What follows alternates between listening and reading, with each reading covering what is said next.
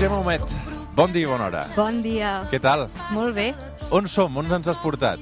Us he portat al Parc de Sant Jordi de Terrassa, la Masia Freixa, que era bueno, l'antic conservatori, on jo vaig començar a anar al conservatori.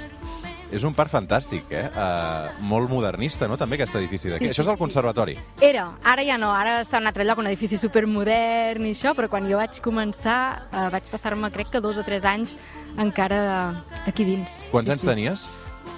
Al conservatori tenia 12, crec, 12 anys, abans anava a una altra escola de música, al SEM. Tu quan et vas adonar que tenies uh, talent per fer música o per cantar? És que no m'ho vaig plantejar.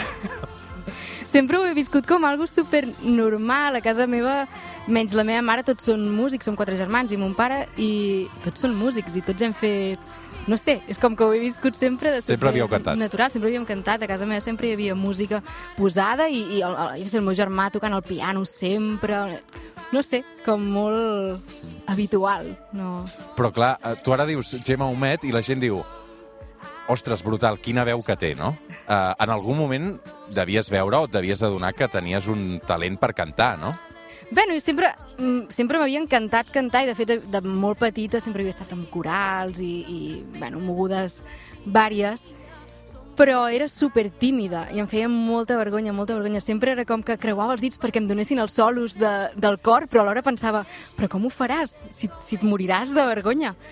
I, i mica en mica suposo que em vaig anar atrevint i va ser als 19 anys realment que vaig dir, vale, mm, deixo el piano, que és el, on anava com dirigida i estava focalitzada cap allà, vaig dir, deixo el piano com a tal, com a dedicar-m'hi i, i jo el que vull és, és cantar. Dic, mira, no sé si ho aconseguiré o no, i jo pensava, si, si aconsegueixo estar cada divendres cantant en un bar qualsevol, ja seré feliç perquè estaré cantant. I me'n recordo que els hi deia això al- als meus pares. Però la veu s'entrena, no, també? Sí, sí, sí, he estudiat. S'ha d'estudiar molt, no? Sí, sí. bueno, clar, és una cosa que, òbviament, per, per tema escoles de música, conservatori, tot plegat, és, és un instrument que he fet servir des de molt petita, però que sí que en el moment que vaig decidir que m'hi llançava de cap, ostres, van ser moltes hores, eh, molt esforç, és... La música és una carrera i la música s'estudia, no? I a vegades sembla que, que facis així i, i et vingui tot fàcil i puguis fer el que vulguis, no? I, i, i has d'estudiar, també. No, no, no, no, no, no. No, no, no, no.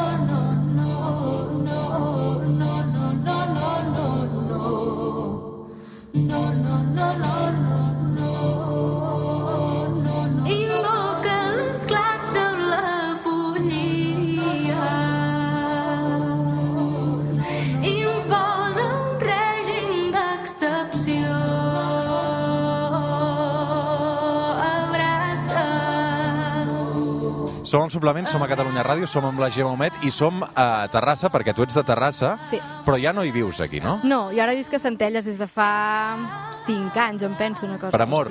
Sí. Ah.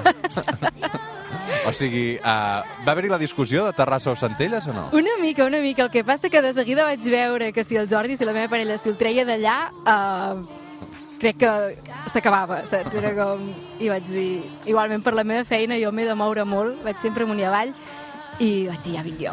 I la veritat és que superfeliç allà, és molt guai. Però a Terrassa suposo que hi continues tenint la I família i, sí. vens molt sovint, no? Molt, molt, molt. De fet, ara amb el confinament, amb Covid i tot plegat és una mica més difícil, però si no jo em passava mitja setmana aquí i mitja allà. Com han anat aquests últims uh, mesos amb tot això tan estrany, tancats a casa? Uh, T'hem vist fent també, a banda del disc, ara en parlarem, uh, cançons des del des, el, el confinament, no? Hi, ha una, hi ha una versió preciosa que veu fer del, del Núvol Blanc del Sí. Lluís Llach, uh, que és una meravella, que es va fer molt viral també. Com han anat també el fet d'estar uh, estar tancat, ser artista, preparar un disc, tenir dues criatures a casa, no? Un caos absolut. Sí, la veritat és que bueno, el confinament, els mesos que vam estar tancats, tancats, va ser complicat. Jo crec que per la salut mental de, de molts va ser com farragós. I més és això, amb dos nens tan petits a casa era molt difícil poder fer qualsevol cosa. Jo me'n recordo que les dues primeres setmanes que vam estar com tots quatre a casa, que, que, que estàvem tot el dia junts, tot el dia pels nens, que, i vam pensar, ostres, com això duri gaire, és que no, No ens en sortim. que no ens en sortim d'això. I, i jo veia per, per Instagram i per xarxes que tothom feia directes i tothom penjava vídeos i tothom penjava de tot. I pensava, però si jo no tinc temps de res, si, no, si jo no puc fer res. És a dir, com això, com això duri gaire, lleva un met enterrada durant uns quants mesos, perquè era impossible. El que passa que sí que amb el, a mesura que van anar passant els dies i, i el veure que era una cosa tan llarga, sí que doncs, et vas organitzant i vas trobant el teu lloc. I, I mira, va ser el moment per poder fer això, per gravar vídeos de cançons, de versions que tenia ganes de fer de feia temps. Em va, em va sortir l'oportunitat aquesta d'estar de, d'estar en el vídeo amb en Lluís Llach, la Judit Nederman i en Santi Balmes, que, que per mi això va ser molt guai, realment. I, i no m'ho esperava i al final el, el confinament a nivell artístic, a nivell professional, m'ha portat moltes coses bones que, que d'una altra manera, doncs mira, potser no, no les hauria pogut viure, no? I és com, bueno, sempre intento mirar la, la part positiva de tot plegat, perquè si no, amb tot el que hi ha, ens enfonsem aquí en la misèria. Damunt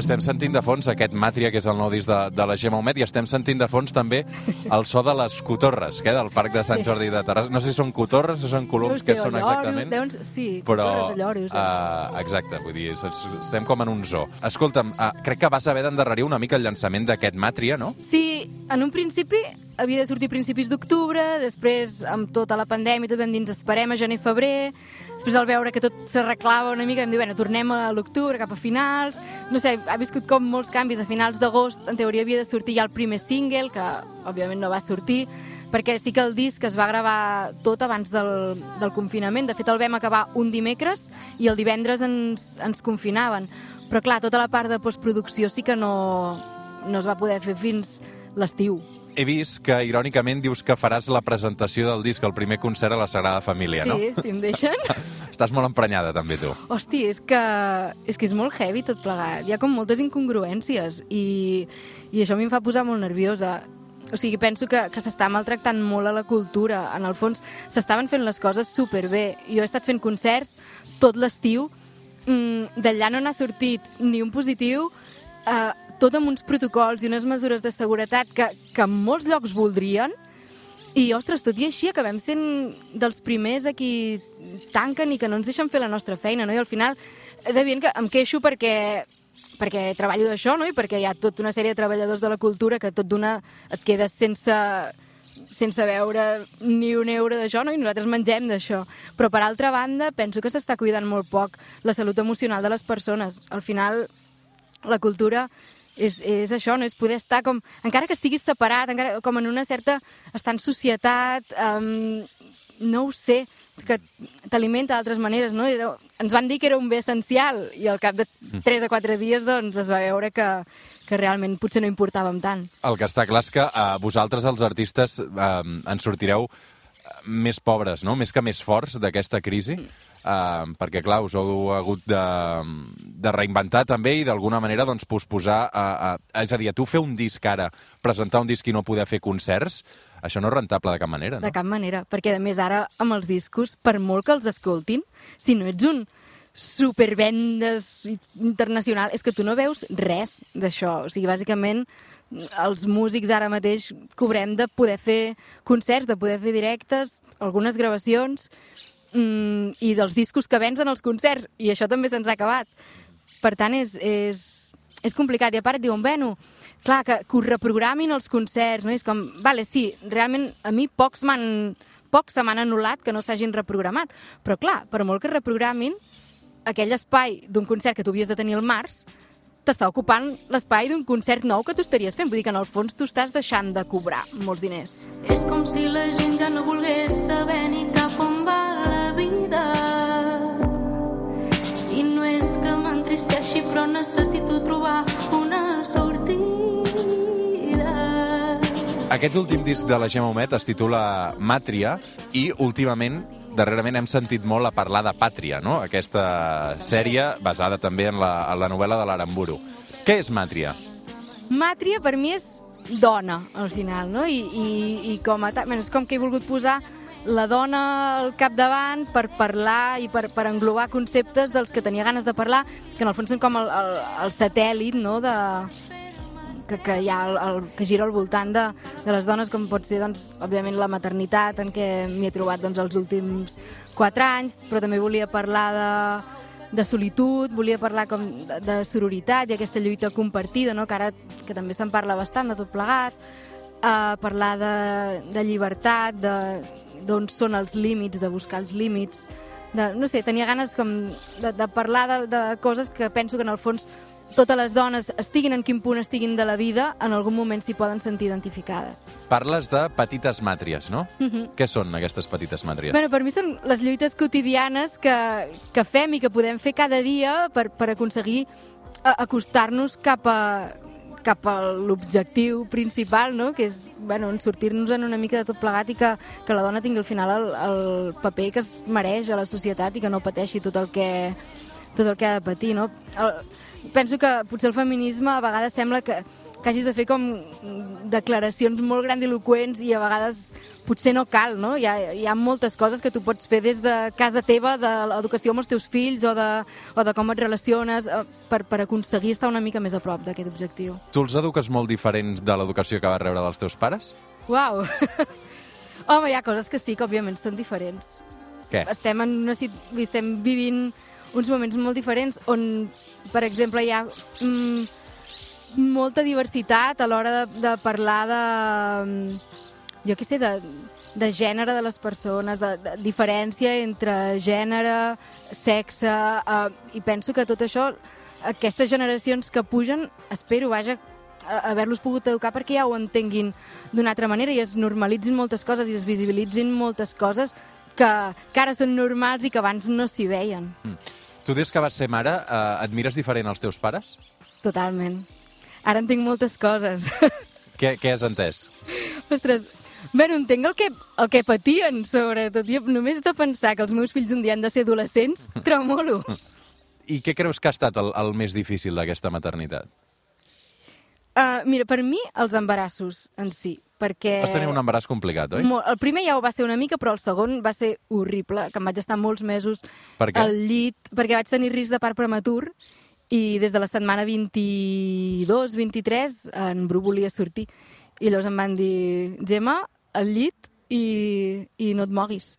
I clar, són molts mesos, jo sóc una persona molt activa, a més, que m'agrada fer moltes coses. La meva idea era com el meu embaràs ideal era poder estar treballant fins al dia abans de parir, si calia. I, i tot d'una estàs al llit, que no pots fer res. A més, la preocupació de que tot vagi bé és tan gran que, que tampoc tenia com esma per fer res. M'agrada llegir, no, no em concentrava per llegir, només podia veure com algunes sèries i, i feies passar el temps com podies. Em vaig instal·lar a casa els meus pares, perquè, clar, més amb, amb l'altre nen algú l'havia de cuidar i la meva parella treballava, vull dir que, que tot d'una canvien moltes coses, no? I te n'adones que, que a vegades la vida tria per tu en, en molts moments, no? Que tu et penses que aniràs, que faràs les coses d'una manera i al final, doncs, et trobes amb el que et trobes. Clar, a partir de la setmana 22 dius que hi havia el risc de que fos prematur. Quan Sí. va néixer al final? No, al final va néixer de 37 justes, o sigui que O sigui, quan vam tocava, aguantar, més o vam aguantar, sí, sí. Clar, o sigui, els has tingut molt seguits, no? I no sé si dir que has estat una mare jove, que no és ben bé veritat, Ja, perquè no és- tu i jo tenim la mateixa edat, no? Sí. Deus tenir 32 anys ara. Avui els faig. Avui,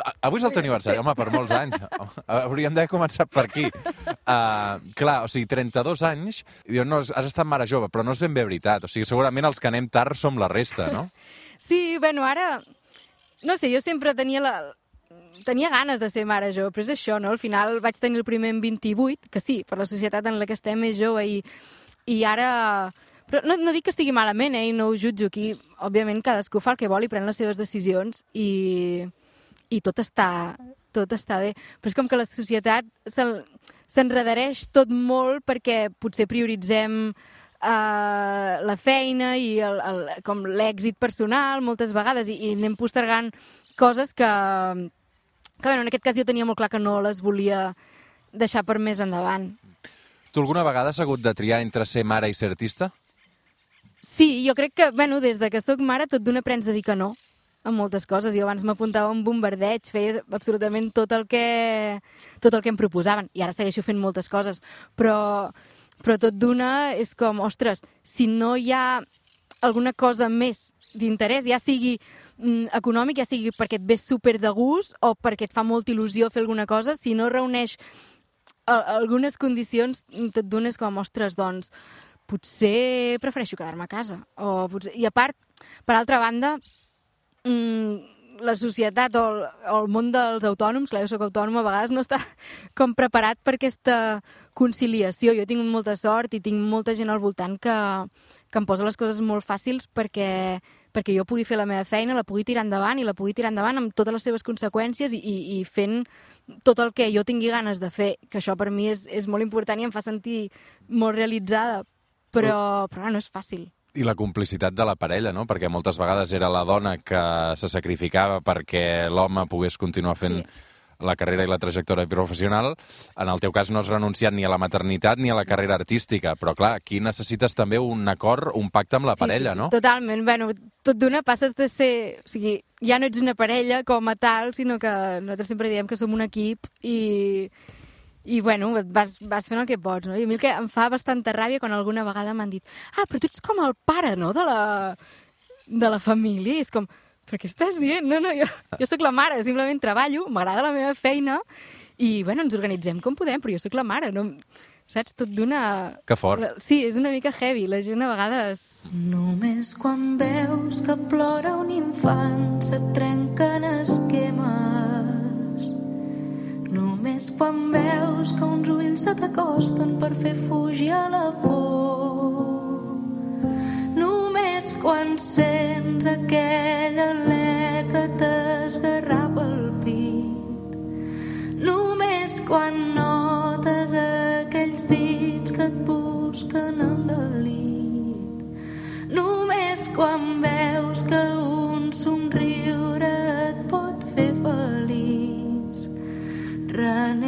la vida.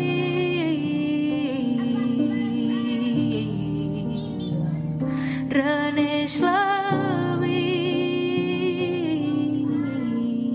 Escolta'm, i ara que tens... Quan té el petit? El petit té mm, un any i tres mesos. Que, que, quina música sentiu a casa? el, què sona, el pot petit o no? El pot petit, reggae per xics, la Marisa Gelabert, el Mic, a totes hores. Sí, sí, estem... I, i, I música per adults no... Sí que també, bueno, el cotxe encara ho, aguant, ho aguanten bastant i no em demanen de tant en tant el, el gran, sobretot el petit, perquè encara no diu res. Com, Però el gran deu reconèixer la mare cantant, Sí, no? sí, sí. Sí, sí. I, I, de fet, ara se sap molt les meves cançons, que és una cosa que em fa com molta il·lusió, perquè per com sóc jo, bueno, últimament, quan el cotxe, els últims mesos, hem escoltat molt el meu disc, però no de manera com egocèntrica de dir és que jo m'escolto a mi mateixa, sinó perquè estava treballant i al final havia d'aprofitar qualsevol moment per, bueno, això, per escoltar les mescles, per escoltar coses, perquè el disc sortia ja. I clar, els nens han sentit el meu disc a tope i ara, ara s'ho saben. Aquests últims anys, eh, segurament hem après, no?, eh, que tenim aquesta visió romàntica de la paternitat i de la maternitat, no? I tu hauràs experimentat que segurament no, no és així. En el teu cas, suposo que aquesta maternitat també ha passat per donar el pit en camerinos, no?, en el teu cas, o què? Uh, a tot arreu. És que, sí, sí, sí. He donat el pit a, a tot arreu. De fet, el, la pandèmia, en aquest cas amb el petit, ha fet que no... Perquè a l'altre fins a l'any i alguna me l'emportava a tots els concerts i aquest, clar, es va, es va parar i no, i no me'l vaig poder emportar. Però sí, jo el, els primers temps me'ls emportava eh, per poder-ho fer anar tot i, i sí, sí, a camerinos just abans de concerts, eh, en els llocs més insospitats. Mm. I he vist que hi ha molta electrònica no, en aquest disc, i que és una cosa que no t'he- no no t'hi havíem vist, perquè sempre et veiem a tu acompanyada d'una guitarra, acompanyada d'un piano, tot molt net, uh, i aquí han passat coses noves, no? Sí, tenia moltes ganes de, de com d'evolucionar, de fer un pas cap a, cap a algun lloc. No és com han sigut uns anys que a nivell personal sí que sento com que hi ha hagut molta evolució, que, que estic en un altre punt, que m'han passat moltes coses, que he viscut moltes coses, i suposo que d'alguna manera necessitava que, que això també quedés reflectit a la meva música. Deixant de banda que, que potser simplement és el que em venia de gust de fer i, i feia temps que ho tenia al cap i potser sigui perquè sigui doncs no m'acabava d'atrevir i ara doncs es van conjuntar moltes coses i, i simplement és que tenia, tenia moltes ganes de, de fer aquest canvi. No? Sento que, que hi ha una part de mi que és, que és molt meva, que és aquesta part potser com me, més intimista, de, com la meva tim timidesa, o potser com una fragilitat a dalt de l'escenari, i, però jo també tinc tota una altra part, que també tenia ganes d'ensenyar. Tens caràcter. De- Sí,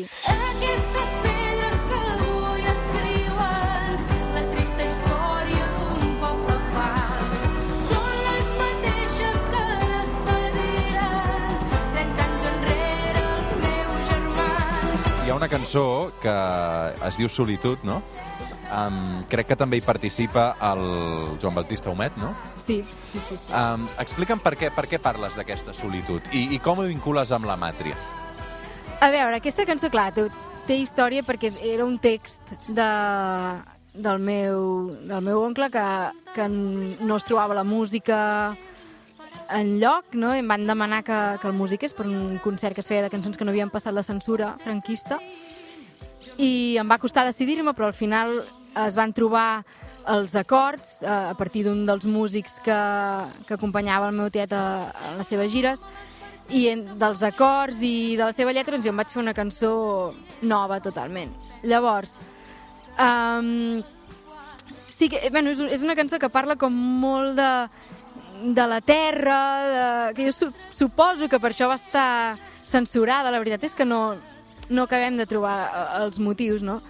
I llavors, eh, bueno, entre parlar d'això, parlar de d'aquesta solitud, suposo, és, és una cançó com complicada, eh, de- d'entendre la lletra. De fet, eh, m'agradaria saber eh, la gent com, com la rep i què i, i, i on, on els porta aquesta lletra, perquè, perquè és, és complicada. A mi, no sé, em, em porta més a pensar... Mi parla de la solitud, però em, parla, em, em, porta com a pensar més en això, no? amb, amb l'estima o amb l'odi que pots tenir cap a, la, cap a la teva pròpia terra. Si ja no et queden sentiments Ara que l'alegria està prohibida, que només els terrats són lliures de poder parlar de llibertat. Ara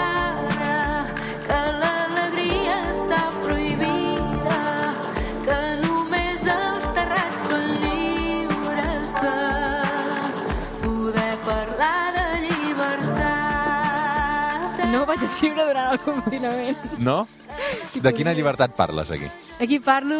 O sigui, aquesta cançó, la lletra, està inspirada en, en tota la violència que, que van patir els fets d'octubre del 2019 quan, quan van sortir les sentències de, del procés. Sí, sí, és un, de fet és una cançó que la, la música no és meva, és una melodia popular eh, jueva que cantaven els jueus eh, durant la Segona Guerra Mundial en els camps de concentració i, jo feia molt temps que la tenia al cap perquè l'havia utilitzat en el meu projecte final de carrera de l'ESMUC i, i tot d'una l- li vaig fer una lletra perquè no, no coneixia quina lletra hi havia, després sí que em vaig trobar una uh, però ja tenia la meva feta i vaig dir, mira mm, utilitzarem aquesta lletra que, que això crec que, que és que va ser molt heavy tot plegat va ser molt Hi ha molta política a la teva música, no? Sí, d'un cantó o d'un altre. Sí, jo penso que, ostres, ja que tenim l'altaveu, ja que, que tinc gent que, que m'escolta, que puc fer concerts, que això, bueno, que tens un altaveu, un micròfon a la mà, crec que està bé poder dir les coses tal com, tal com les penso, tal com les visc i tal com les sento, no? I al final a mi m'agrada quan els meus referents o quan els artistes a qui jo admiro o escolto o llegeixo eh, em diuen el que penso i es mullen perquè mm, bueno, crec que estem en moments que és, que és important, que, que se'ns estan retallant moltes llibertats una altra vegada i, i que la llibertat d'expressió és molt important i s'ha de reivindicar. Com t'imagines el teu retorn als escenaris? Com t'agradaria que fos o com creus que serà? Mira, com crec, no sé, suposo que amb poca gent, a dalt i a baix, però, ostres, és que tinc moltes ganes, moltes, moltes ganes. I, i no te n'adones de, de com ho trobes a faltar fins que, No ho tens? que no ho pots fer. Sí, sí. Gemma Moment, moltes, moltes gràcies i molta sort. A vosaltres, moltes gràcies.